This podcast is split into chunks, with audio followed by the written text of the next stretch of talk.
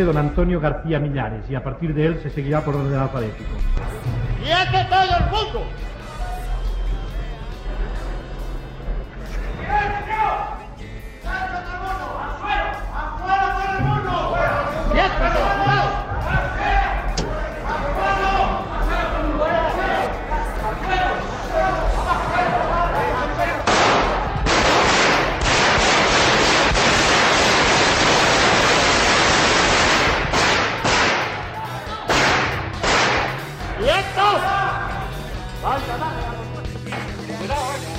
No intentes tocar la cámara que te mato, ¿eh?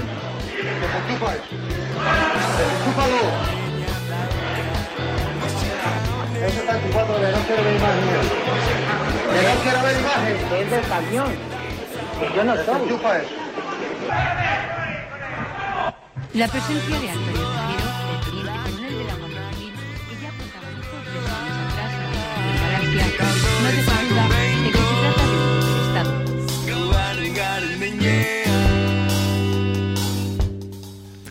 Beste beste tiro hotxa eta ahotzak ere bai sasoi hartakoak eh, dira. No me grabes con la cámara que te mato eh, guardia zibilak beraien esentzia natural eh, horretan beraien eh, ekimena burutzen.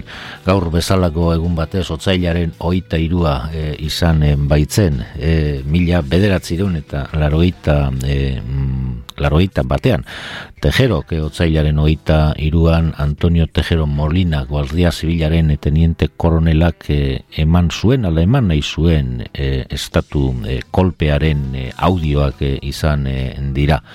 Gertakari arek esan behar, eh, aurreko urteetan bildutako kontraesan guztiak agerian utzi zituela.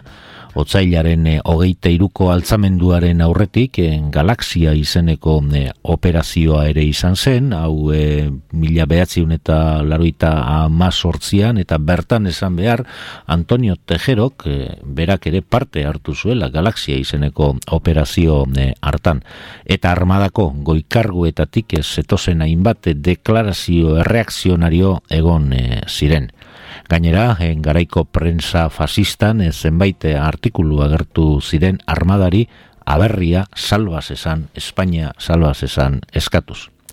Estatu kolpearen eh, aldarrikapen eta saiakerek eh, Estatu Espainiarrean historia luzea dutela esan behar datu gisa, azken berreun urtetan hogeita bost estatu golpe edo saiakera egon dira.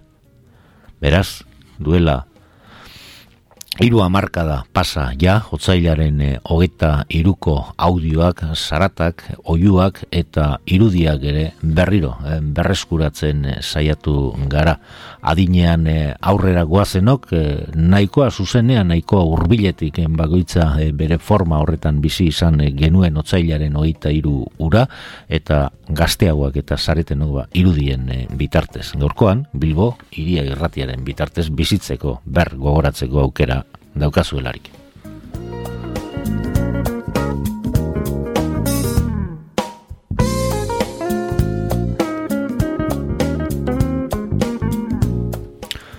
Golpearen edo golpe saiakeraren inguruko makinatxo bat e, interpretazio, bersio, be, filme, ikerketa, liburu, artikulu, publikazio egin e, izan e, dira eta mota guztietako bersioak e, irakur edo aurkitu e, daitezke guk eh, logikoena eh, iruditzen zaiguna edo logikoen eh, diren ideiak eh, biltzen saiatu gara gaurkoan. Eta honen arira, esan behar, eh, Franco hile ondoren, gogoratu diktadorea mila bederatzirun eta iruita amabosteko azaroan hil zela, Espainiako burgesiak eh, baseukan bai eh, bere ahultasunaren eh, berri.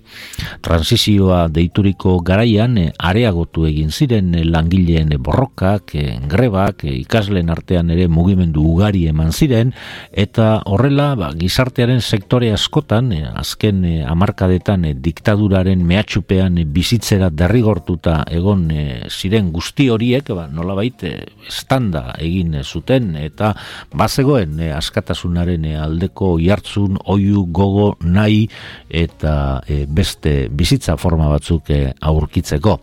Mugida guzti honek aipatu burgesia zalantzaz bete zuen, gainera frankista ugarik iantzi zuen sasi demokrazia berriaren alkandora, beraien privilegioak mantentze aldera. Erraz esan da, eta labur, Arias eh, Navarro baster eh, utzi eh, zuten, sasoiko Espainiako gobernuko presidentea, eta mugimendua, el movimiento zeritzone inguruan ibilitako buruzagi oi batengana jo zuten sistema salbatzeko, Adolfo Suárez. Suarezen bitartez burgesiak ordena bermatzen zuen eta era berean erregimen zaharreko privilegioak demokratizatu egiten zituen, irenzgarri eginez Europarren begietara. Suarez eta bere UCD-ko, UCD alderdiaren Union Centro Demokratikoko gobernua bost urte egon ziren Madrilgo gobernuan, baina epe horretan ez zuten jakin Espainiar gizarteak ez zituen problemak bideratzen.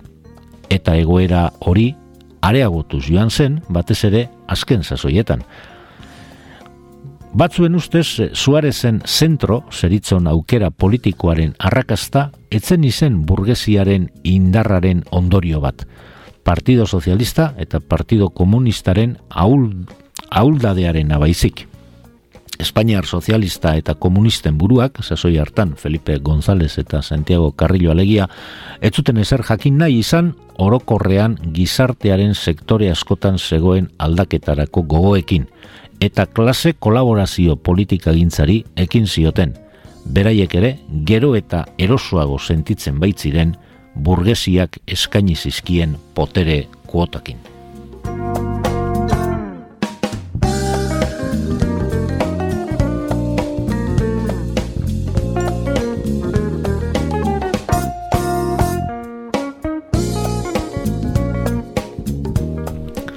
Espainiar burgesiak e, Suarezengana jarri zuen konfiantza osoa eta Suarezek aldiz eh, langileen eh, buruzagiengan. E, ordurako preste agertu baitziren desmobilizazioak bultzatzeko eta hitzarmen merkeen politika bultzatzeko. Gogoratu bestela Pactos de la Moncloa izenpean sinatu zirenak. Garai hartan hasi ginen kontsentsu hitza entzuten politikari aplikatuta konsensu politikaren e, konsensu politikaren filosofia garbi zegoen eta garbi dago. Klase ezberdinen arteko oreka egonkortzea eta langile erakundeen babesa edo onarpena lortuz zenbait eskubide demokratiko formal e, e, zera, e, privilegio bihurtzea e, gauzak ez galtzeko, ez zeuden privilegio guzti horiek ez e, galtzeko. Beraz, aldaketa formal batzuk e, benetan sakonean e, dauden privilegio guzti horiek e, mantentze aldera. Horrela, estatuaren aparato guztia e, salbu e, geratzen zen monarkia, barne. Eta horren adibiderik nabarmenena Espainiako konstituzioa izan zen eta da, gogoratu adibidez, armadari onartzen zaion paper garrantzitsua sortzigarren artikuluan edo monarkiak berak hartzen duen importantzia ikutu ezina.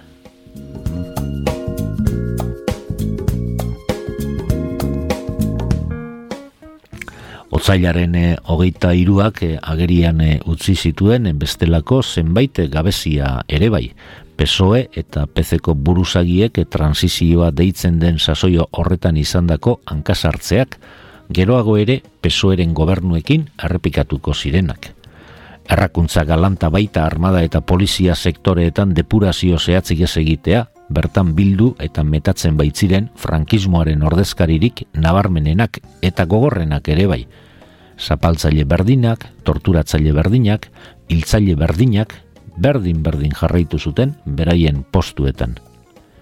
Alaberrezan, indarre represibo frankistak beraien eginkizunetan jarraitu zutela. Ala nola, Guardia Zibila, edo top, eh, zeritzon eh, epaitegia, gaur egun, hausitegi nazionala dena. Britania handiko adibidez, eh, Britania handiko Financial Times egunkariak eh, argia ipatu zuen, mila bederatzireun eta larogeita bateko otzailaren hogeita bosteko edizioan, Espainiar politikariek, batez ere sozialista eta komunistak, ikaragarri beldurrandia zietela indar armatuei, eta azken hauek handituta edo pustuta edo hasita zeudela klase politikoaren koldarkeria ikusita.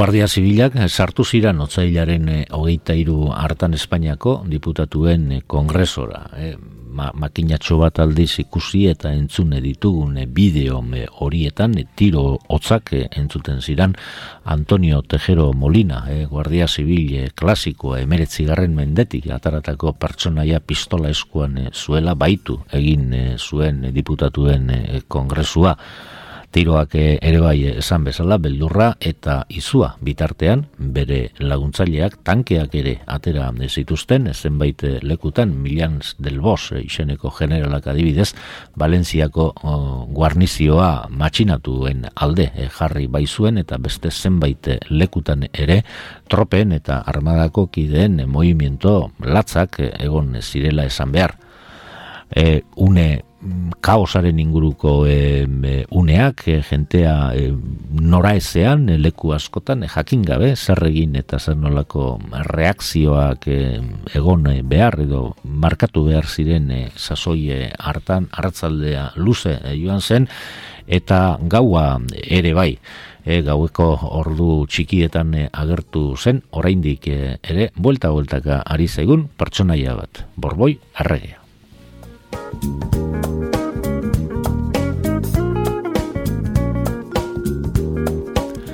Eta zer esan ba, borboi erregiaren e, joka eraz. Ba, oita marre urte igaro badira ere, oraindik zalantza ugari eta argitu gabeko galdera asko daudela. Gogoratu, duela egun gutxi, Alemania regunkariak argitaratutako ikerketatxoa, borboiak jokatu zuen paperari buruz. Guztiok genekiena, baina Espainiarren artean isilean mantendu dena eta mantentzen dena, oraindik ere. Alaberrezan e, egin ziren e, epaiketetan kontraesanak nagusitu zirela akusatuen artean. Tejerok, Milans del Botxek, Armadak eta Abarrek bertsio partzialak eta interesatuak e, eman zituzten. Datu batean ados zeuden edo kontakizun batean ados zeuden guztiak. Bazegoela buru bat guztion gainetik zegoena eta Espainiaren zuzendaritza berria hartuko zuena. Milans eta armada militar monarkikoak ziren, hor ez dago dudarik. Sasoi hartako Europako komentarista eta aditu politiko gehienak bat egin zuten beraien azterketetan.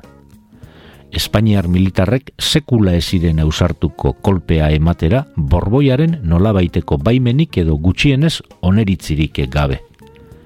Gaur egun jakina da borboia eta armada generala arratzaldeko lauetan bildu zirela, Beraz, erregea jakinaren gainean zegoela, eta etzuela kolpisten aurkako jarrera argia erakutsi, batez ere armada general monarkiko baten aurrean, zeina mila bederatzireun eta berroita mabosgarren urtetik borboiaren irakasle, preceptore eta aholkularia zen. Milans del Botxek berak, Martinez Ingles koronelari eskainitako elkarrizketa batean, argi utzi zuen borboiak armada generalaren agindu guztiak bete zitzan eskatu ziola. Armada generala bere konfiantzasko gizona baitzen.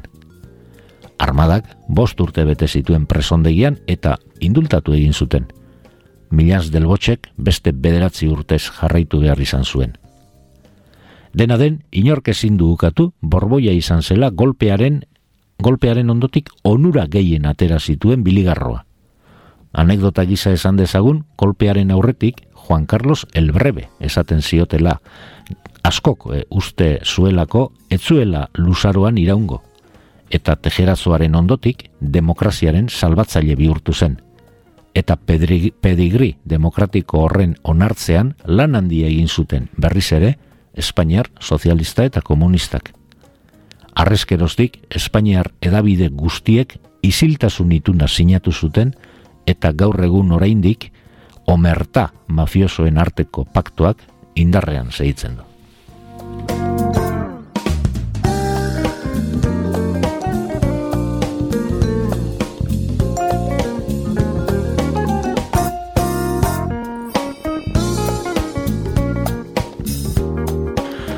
Oita, iru, otzailaren oita iruko estatu golpeak tejeroren, estatu golpeak elaburre esan da zerraitik ez zuen egin eh, aurrera. Ba bueno, bersioak ugariak eh, dira, interpretazioak ere bai eta ikerketak ere bai. Agian, egia osoa ez da, eh, bersio bakar batean eh, egongo, eh, kumulu bat egongo zen, metaketa bat, arrazoien metaketak egongo ziren, eta arrazoi bat baino gehiago egongo zen, eh, estatu horrek eh, kolpe, eh, saiakera horrek aurrera egin eh, ez eh, zezan, eh, horrela eh, gertatu zen. Batzuk eh, planteatuko ditugu, labur-labur eh, esan da. Badaude, eh, batzuk eh, esaten eh, dutena, e, irurogei eta irurogei garren e, amarkadetan, Espainia e, mailan frankismoaren e, kontra erabili ziren borroken e, ondorioz, e, langile klase indartsu bat eta kontzientziatu bat e, zegoela. Era berean, e, frankismoaren azkeneko urteetan, ba, ikasleen mobidak eta handitu eta indartu egin ziren, eta oposaketa gogor bat eratuta zegoela Espainiar estatuan. Beraz, e, golpeak e, aurrera egin izan eskero eta diktadura militar bat ala militarrez osatutako gobernu bat aurrera e, eraman eskero kale mailan lantegietan, unibertsitatetan, eskoletan eta gizartearen sektore guztietan egon zatekeen oposizio hori e, bortitza gogorra indartsua izango zela eta etzuela e, oposizio orokorre horrek etziola bizi irauten e, utziko e, kolpeari bere esentzia militar e, horretan. Hori alde batetik, e, horrelako aipuak, horrelako ikerketak, horrelako komentarioak eta horrelako analiziak e, badaude. Badaude pixka bat, beste muturrean dauden analiziak ere bai, eh? aginduak eta e, Espainiako estatu kolpearen saiakera horren kontra, Europako herrialdeak e, mintzatu, e, mintzatu zirela, eh? beraien artean, eta batez ere Espainiako gobernu gobernu, mm, gobernuarekin, maila batean, baina batez ere Espainiako gainontzeko indar faktikoekin, e, indar e, edo burgesiaren sektorerik eta adierez, adierazgarrenetakoekin alde batetik eta ba, bankarekin eta beste sektore finantzieroekin e, batera.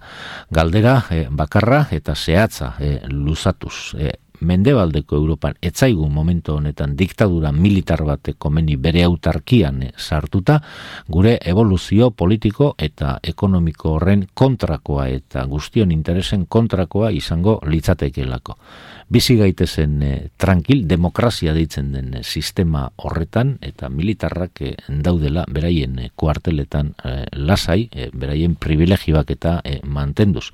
Baina etekin gehiago aterako diogu gure existentziari, e, nola baite esan, demokrazia formal baten oinarriak beteko baginitu. Beraz, zar daitezela beraien e, kuarteletan, e, atera diren e, emeretzi garren mendeko elementu horiek. Espaititugu behar, gure interesak, interes bankoaren interesak, bankaren interesak, burgesiaren interesak, azkenean kapitalismoaren sistemaren interesak aurrera ateratzeko militar horiek gaur egun, e, maila horretan sobra daudelako.